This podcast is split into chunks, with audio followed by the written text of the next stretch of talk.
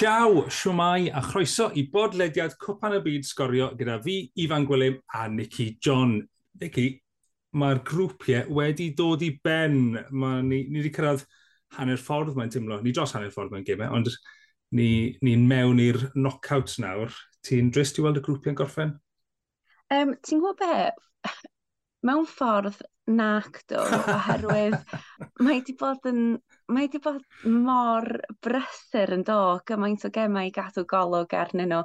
Um, Mae'r cwpl o ddyddiau dwytha yma, dwi'n teimlo bod pethau wedi cyrraedd crescendo a da ni wedi cael yn difetha o ran beth sydd wedi bod yn digwydd ar y cae. Mae jyst wedi bod fatha adloniant pyr yn do. Felly, o ran yr ochr yna o bethau, ydw. Ond, um, a nid bod fi'n so, bitter achos bod Cymru adre na ddim be fel yna, ond dwi'n meddwl fydd hi'n brafiach wan, jyst i gael chydig bach mwy o seibiant rhwng y gema a chael cymryd beth sy'n digwydd i fewn yn iawn yn hytrach mm. na gorau mynd yn syth i fewn i'r gem nesaf. Ie, yeah, mae wedi bod yn anodd uh, daland y popeth, a dyna pam ni ma uh, i chi wrandawyr adre er mwyn uh, cadw chi gyda popeth sy'n digwydd. neu'n siŵr bod chi up to speed, a os chi heb weld gemau digwyner, dyma'r penawdau roedd y siocs dal i ddod tan y diwedd yng grwpiau cwpan y byd eleni wrth i Camerŵn giro'r ffefrynnau Brazil o un gol i ddim. Yn gêm arall, grwpga Swister yn curo Serbia o dair gol i ddwy i fynd trwy i'r ail rownd gyda Brazil. Yn grwpga, pnawn di Gwener, De Corea yn curo Portugal i sicrhau eu lle nhw yn yr ail rownd a Uruguay yn curo Ghana o dwy gol i ddim, ond y ddau dîm yna yn gadael y tournament. Portugal yn mynd trwy i'r ail rownd. Newn ni ddechrau yn y panhawn, Nicky. Um, mi oedd na gemau yn grŵp H, uh, Ghana, Uruguay. Hwna oedd yr un o'n i'n gweud, mae yna ddial posib uh, rhwng uh, Ghana a Uruguay. 12 mlynedd yn ôl o'n wedi chwarae gyda Luis Suarez yn ei chanol i yn llawio ar y llinell. A Samoa Gian yn cael y cic o smotyn i Ghana, ond yn methu. A oedd bach o teimlad o deja vu, nag oedd e? Oedd, oedd, chydig bach yn doedd. Um, o'n i'n gwrando ar yr un yma wrth fynd am run bach. Ah. Um, a ti'n gwybod be, oedd hi yn un o heina lle ddoe oedden ni yma yn trafod, wel, ti'n gwybod, mae ma Ghana di sgorio pimp hyd yma, a di Uruguay heb sgorio gwbl. Be nes i ddim cyffwrdd ar bryd hynny wrth gwrs oedd bod Ghana hefyd wedi ildio pimp. a so, mae ma hynny mae hynny werth sôn amdano fo hefyd yn dydy. Mm. Um, wedi ildio saith erbyn diwedd y dydd heddiw yma, dydd e, lle da ni dydd Gwener.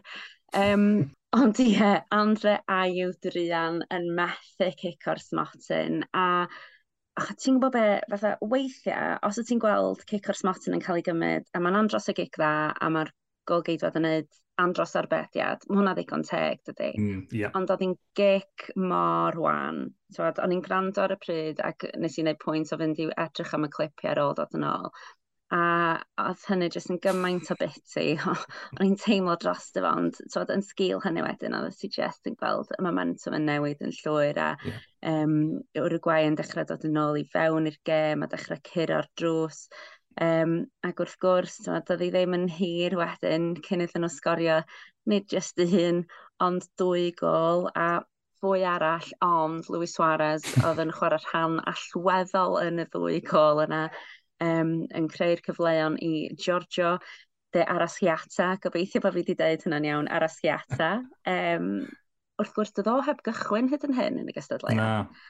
A wedyn ti'n gweld pa mor siarp oedd o ac yn meddwl, o, oh, tebed pam, ac oedd o'n biti bron iawn, achos dwi'n siŵr fysa fod i ennill i le i gychwyn yn y gêm nesaf. Un sylw wedyn, twad, o ran diwad y gêm, oedd yr Uruguay yn teimlo bod nhw wedi hawl, wel, bod nhw i fod i gael cic o'r smotyn um, wrth i Edison cyfannu gael ei lorio. Y dyfarnwr ddim yn cytuno, Oedd na lot o ddadla, uh, hyd yn oed ar ôl y chwiban ola yna, no. am fflio i bob cyfeiriad. um, achos wrth gwrs, oedd nhw'n ymwybodol bryd hynny o beth oedd yn mynd ymlaen yn y gêm arall yn y grŵp, ac er bod nhw wedi ennill o ddwy gol i ddim, uh, yn erbyn Ghana, doedd o ddim yn mynd i fod yn ddigon i sicrhau lle nhw. No. Na, godd. Uh, yeah, Corea yn y gêm arall yn curo Portugal o ddwy i un. A o'n i wedi gwylio gêm Ghana i Uruguay achos o'n i yn meddwl, wel, mae Corea allan ohoni, mae'r enillydd, mae'r person sy'n mynd trwy gyda Portugal yn mynd i ddod o'r uh, gêm Ghana i Uruguay. Mae'n nath Portugal fynd ar y blaen yn ythna gyfiawnhau ym mhenderfyniad i. Uh, o'n i'n eitha hapus yeah. i aros. Ond mi oedd y gêm gan i yw'r gwenna mor ddifur gwylio. Tyd, achos y drama beth i gwyddo 12 mlynedd nôl ar penalty na i IU, tyd, fi siŵr o ti'n gwrando na fe yn meddwl, o, oh, maen nhw'n gweud bod e'n sal, ond ti'n mynd disgwyl efo mor sal a oedd e pan nes ti weld e fi'n cymryd. Ond mae ma yn gigor swatyn. Really sal yn ddoe. Mae'n ma, ma atgoffa fi o'r un nath Rashford wneud yn y uh, ffeinal Euro uh, 2021. Dod gormod o ffys ar y dechrau. A ti'n gwybod... Dwi'n gwybod, achos nath o ddechrau... Dwi'n dwi gwybod, dwi'n gwybod, dwi'n cytuno, nes i feddwl union yn peth. Yeah. Mae'n dechrau rhedeg a mae'n stopio, a ti'n just meddwl pam. Yeah. Mae'n siŵr bod o'n gofyn i'w hyn pam nath o'n yeah. hynny hefyd. Ie, yeah, um, dim, dim o'r nonsens yma. Ie, yeah. ar y cic os mod i'n... Er, er, ywna, Cicus Montana ddim gael roi ar uh, cyfani cytuno'n llwyr gyda'r dyfarnwr. Oedd yn edrych os rhywbeth fel cyfannu oedd wedi, um, wedi ildio'r drosedd mwy na wedi cael ei lorio, fi cedi. O'n nhw'n desbryd am unrhyw beth erbyn diwedd. Oedden nhw'n gwybod, erbyn hynny, oedd hi'n last chance saloon go iawn yn doedd, a lle ti jyst yn tafled unrhyw beth uh, i fewn i'r pair er mwyn trio cael unrhyw fath o gyfle, ond yeah um, na, doedd hi ddim i fod. Na. Um, yeah, a par y teg i De Corea am ddod nôl ar ôl mynd tu ôl yn erbyn Portugal. Um, yeah, war y teg nhw. Mae nhw o'n i ddim yn disgwyl nhw fod na o gwbl, a maen nhw nawr wedi cadarnhau, e, uh, well, sicrhau cwpan y byd gorau Asia erioed, mm -hmm. tri o'i tîm nhw er fi, fi ddim cweith yn siŵr os ti'n gallu cyfri Australia. Fi'n gwybod bod nhw'n rhan o'r Confederation yna, ond ie. Yeah. Australasia. Australasia, byddwn ni'n gweud, ond there we go. Uh, tro diwetha i gwpan y byd fod yn asia, nath de Corea fynd y holl ffordd i rownd gynderfynol. So, gen i weld os ydyn nhw'n gallu um, wneud hynna eto. Mae'n mynd i fod yn dalcen caled iddyn nhw, achos mae de Corea yn chwarae yn erbyn Brazil yn yr anrwnd. Mm. Yeah. Oedd Brazil yn chwarae uh, nos Wener, a mi nath nhw chwarae yn y byd Cameroon. A beth o'n i'n gweld yn ddiddorol fan hyn, y tri tîm nath sicrhau lle nhw yn yr ail rownd wedi dwy gêm, sef Ffrainc, Portugal a mm -hmm. Brazil, i gyd yn gorffwyso chwaraewyr. Yeah, a well. nath y tri o'n nhw golli.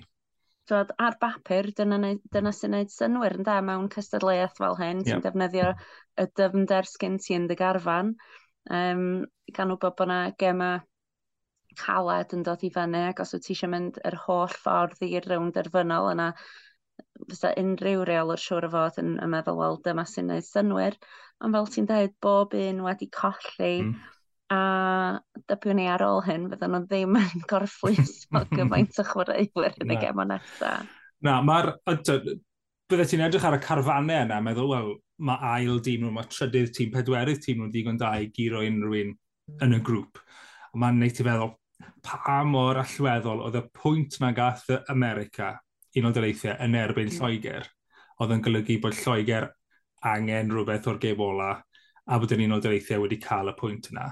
Achos os byddai Lloegr wedi goffwyso chwaraewyr fel nath Ffranc, fel nath Brazil, fel nath Portugal, tad, falle byddai Cymru bod e, bod e ddim mor well, far-fetch bod ni'n cael rhywbeth ar nodyn yna, diolch am roi ni gyd off yn brecwast bore dydd Sadwrn. So mae hynna jyst... Oh, Spoil up yn wythnos chi yn llwyr. Paid a hyd yn oed mynd lawr y trewydd yna. Mae'n just... A da i nôl oh. at y gêm uh, Cameroon Brazil de. Nes ti, uh, heno, nes ti wylio hwnna neu nes ti wylio'r un gêm well, Serbia Swisir? Ges i chydig bach o um, bedtime routine disruption fan hyn. So, o'n i oh. gwylio rhywfaint o'r hanner cyntaf oedd hi'n ddisgwr yn doedd wedyn oedd hi'n amser i fynd ag am i fyny'r gwely, ac uh, yn sydyn iawn, nes i ffeindio'n hyn yn eista fyny, yn sydyn yn meddwl, oh, podcast, podcast, podcast. so mae'n rhaid bod fi wedi disgyn i gysgu am tua, I don't know, rhyw ddeg munud, chwerthyr awr yma na. si radeg lawr grisia, a fel o'n i'n rhoi'r pen ôl, yn ôl i lawr ar y soffa, dyma fi'n gweld Cameroon yn sgorio, ah. a o'n i just, a hanner cysgu, yn meddwl, wow, ydy, ydw i'n gweld yn iawn fan hyn.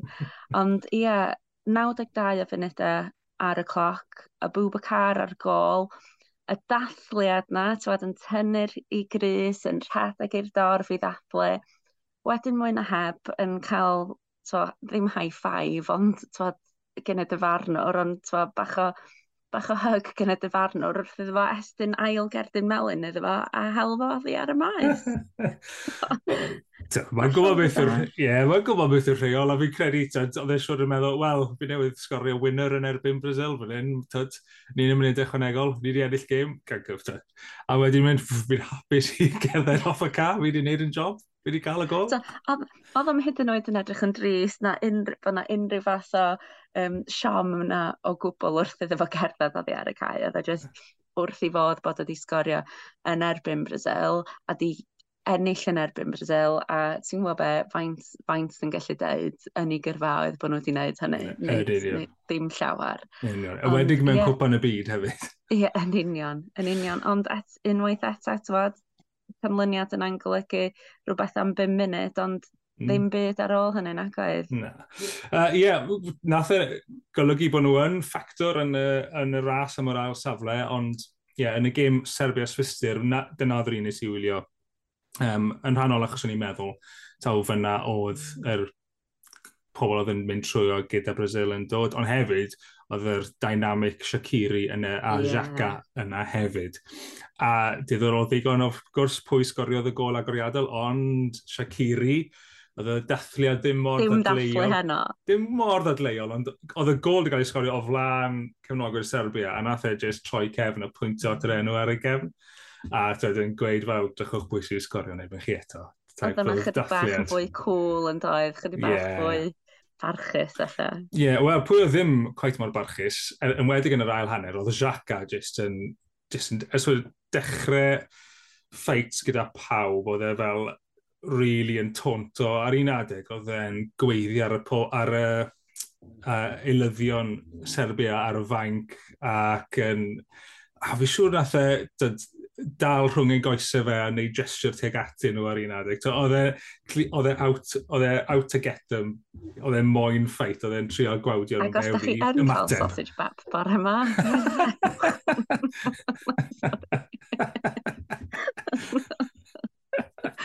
Ie, yeah, wel, oedd y gol fuddigol gan Froiler oedd hwnna yn wych. Mae eisiau chi wyn i weld os chi heb yr gol fuddigol yn y gêm rhwng Serbia Swister. Froiler sgoriodd hi, ond yr symudiad a'r sodliad gan Fargas i greu oedd beth nath wneud y gol. Oedd e bel fewn i'r cwrt a wedyn ni oedd Fargas rhedeg ar draws y cwrt i denu am ddiffynwyr i greu lle tu ôl iddo fewn ni sodlu uh, reit fewn at lwybr ffroiler nath orffen yn bert. Oedd e'n gol i heiddi ennill unrhyw gêm. Ie, yeah, nice.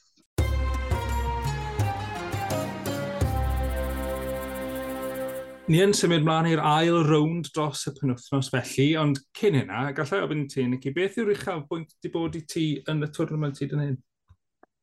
Heblaw, tywed, yn amlwg mae'r pethau amlwg fel yr anthem a clywed hen wlad fan hadau, uh, gweld tywed, just y wal goch yna, um, oddi ar y cae. Ar y cae, mae rhaid i fi ddweud, dydd iau'r wythnos yma just wedi ynghyffroi gymaint um, oherwydd bod ni'n cyrraedd y pwynt yna lle da ni'n dechrau gweld twad, rhai o'r big guns yn cloffi, rhai o'r siocs yn digwydd um, a just yr ochr yna i'r holl beth sy'n atgoffa fi, waw, pam dwi'n really enjoy peldroed mm. yn y lle cynta. A dim bod fi eisiau swnio fel bod fi'n bitter o gwbl achos bod gwlad Belg ar Almain allan. Ond, ti'n weithiau mae'r siocs yma yn gystadleuaeth fel cwpan y byd. Just, so, maen nhw'n rhoi testyn trafod i ni'n dydyn a so, da ni'n licio gweld weithiau yr underdogs yn, yn, yn cloffi'r tîm am mwy. Um, lle fysyn ni ddim yn disgwyl iddyn nhw wneud o'r eidroedd. Um, felly, ia, i mi, twad, gweld, gweld cyfnogwyr Japan yn ei dagra, achos bod nhw'n methu credu bod nhw yno, just hyfryd caru'r math yna beth. Hmm. I fi, uh, ar y ca, cyn i dillun, bwrdd y llun, oedd y ddwy gêm gyntaf, na 11 gol yn y ddwy gêm, uh, tair yr un Serbia a Cameroon, a wedyn ni Ghana yn curo Corea o dair gol i ddwy.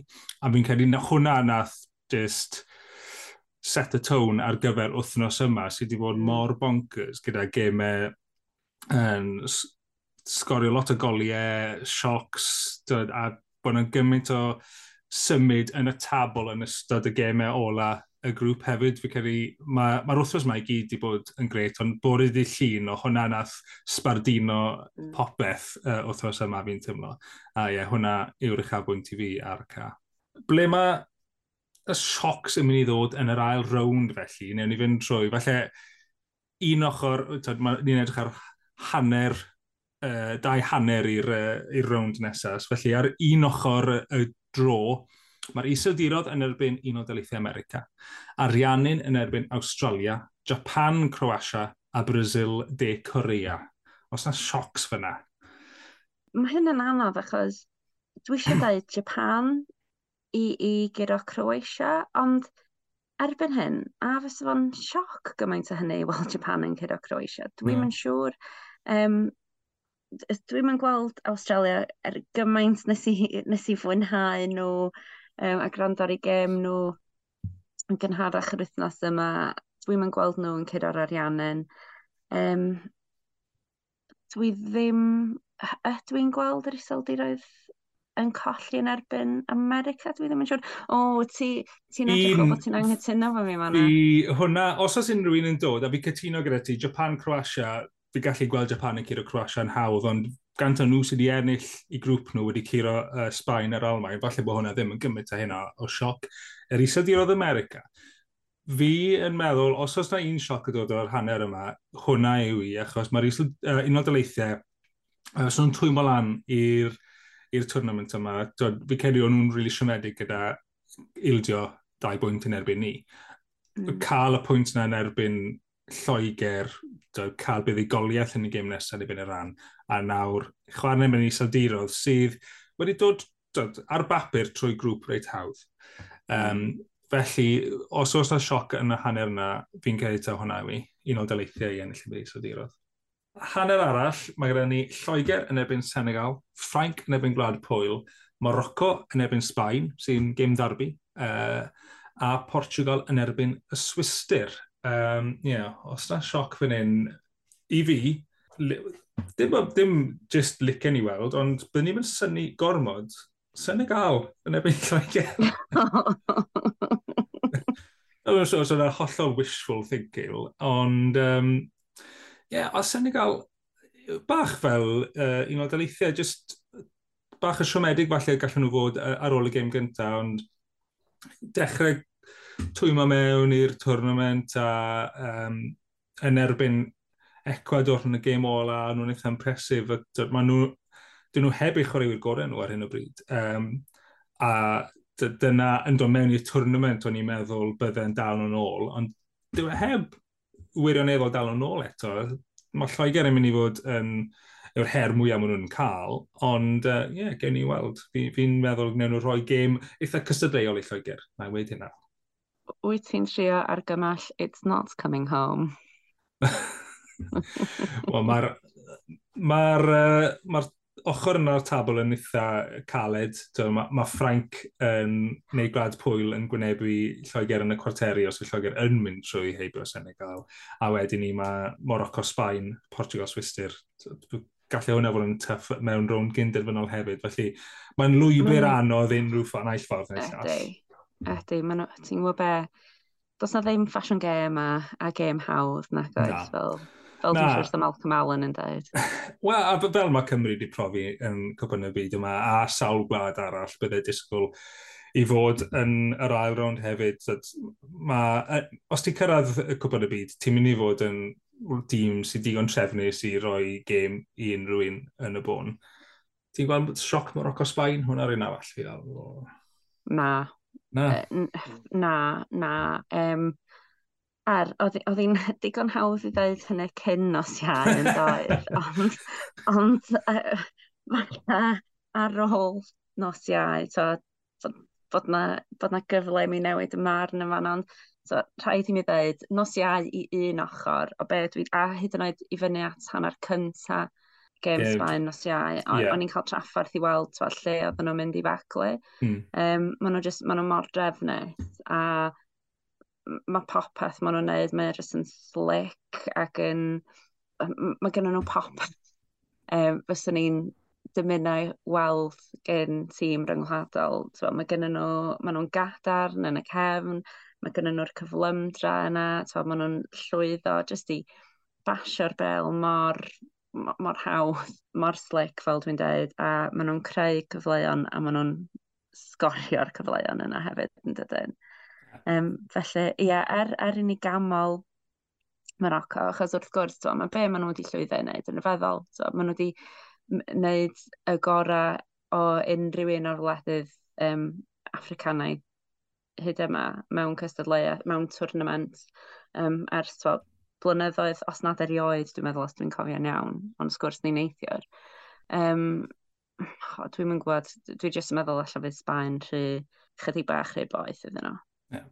Dwi ddim i Morocco felly, fi'n meddwl. yep. Uh, diolch, Nicky, am y sgwrs. Wel, diolch i ti unwaith eto yn drist gweld y grŵp yn gorffen ag. Uh, e. diolch i chi adre am rando gyda ni trwy gydol y grŵp. Fyddwn ni ddim yn recordio dros y penwthnos, nawr bod y grwpiau wedi dod i ben, ond fyddwn ni nôl dechrau wythnos nesaf i glywed wrth rhai ohonoch chi sydd wedi bod mas yn Qatar ac i edrych nôl dros yr ail rownd. Ond tan hynna, arrivederci.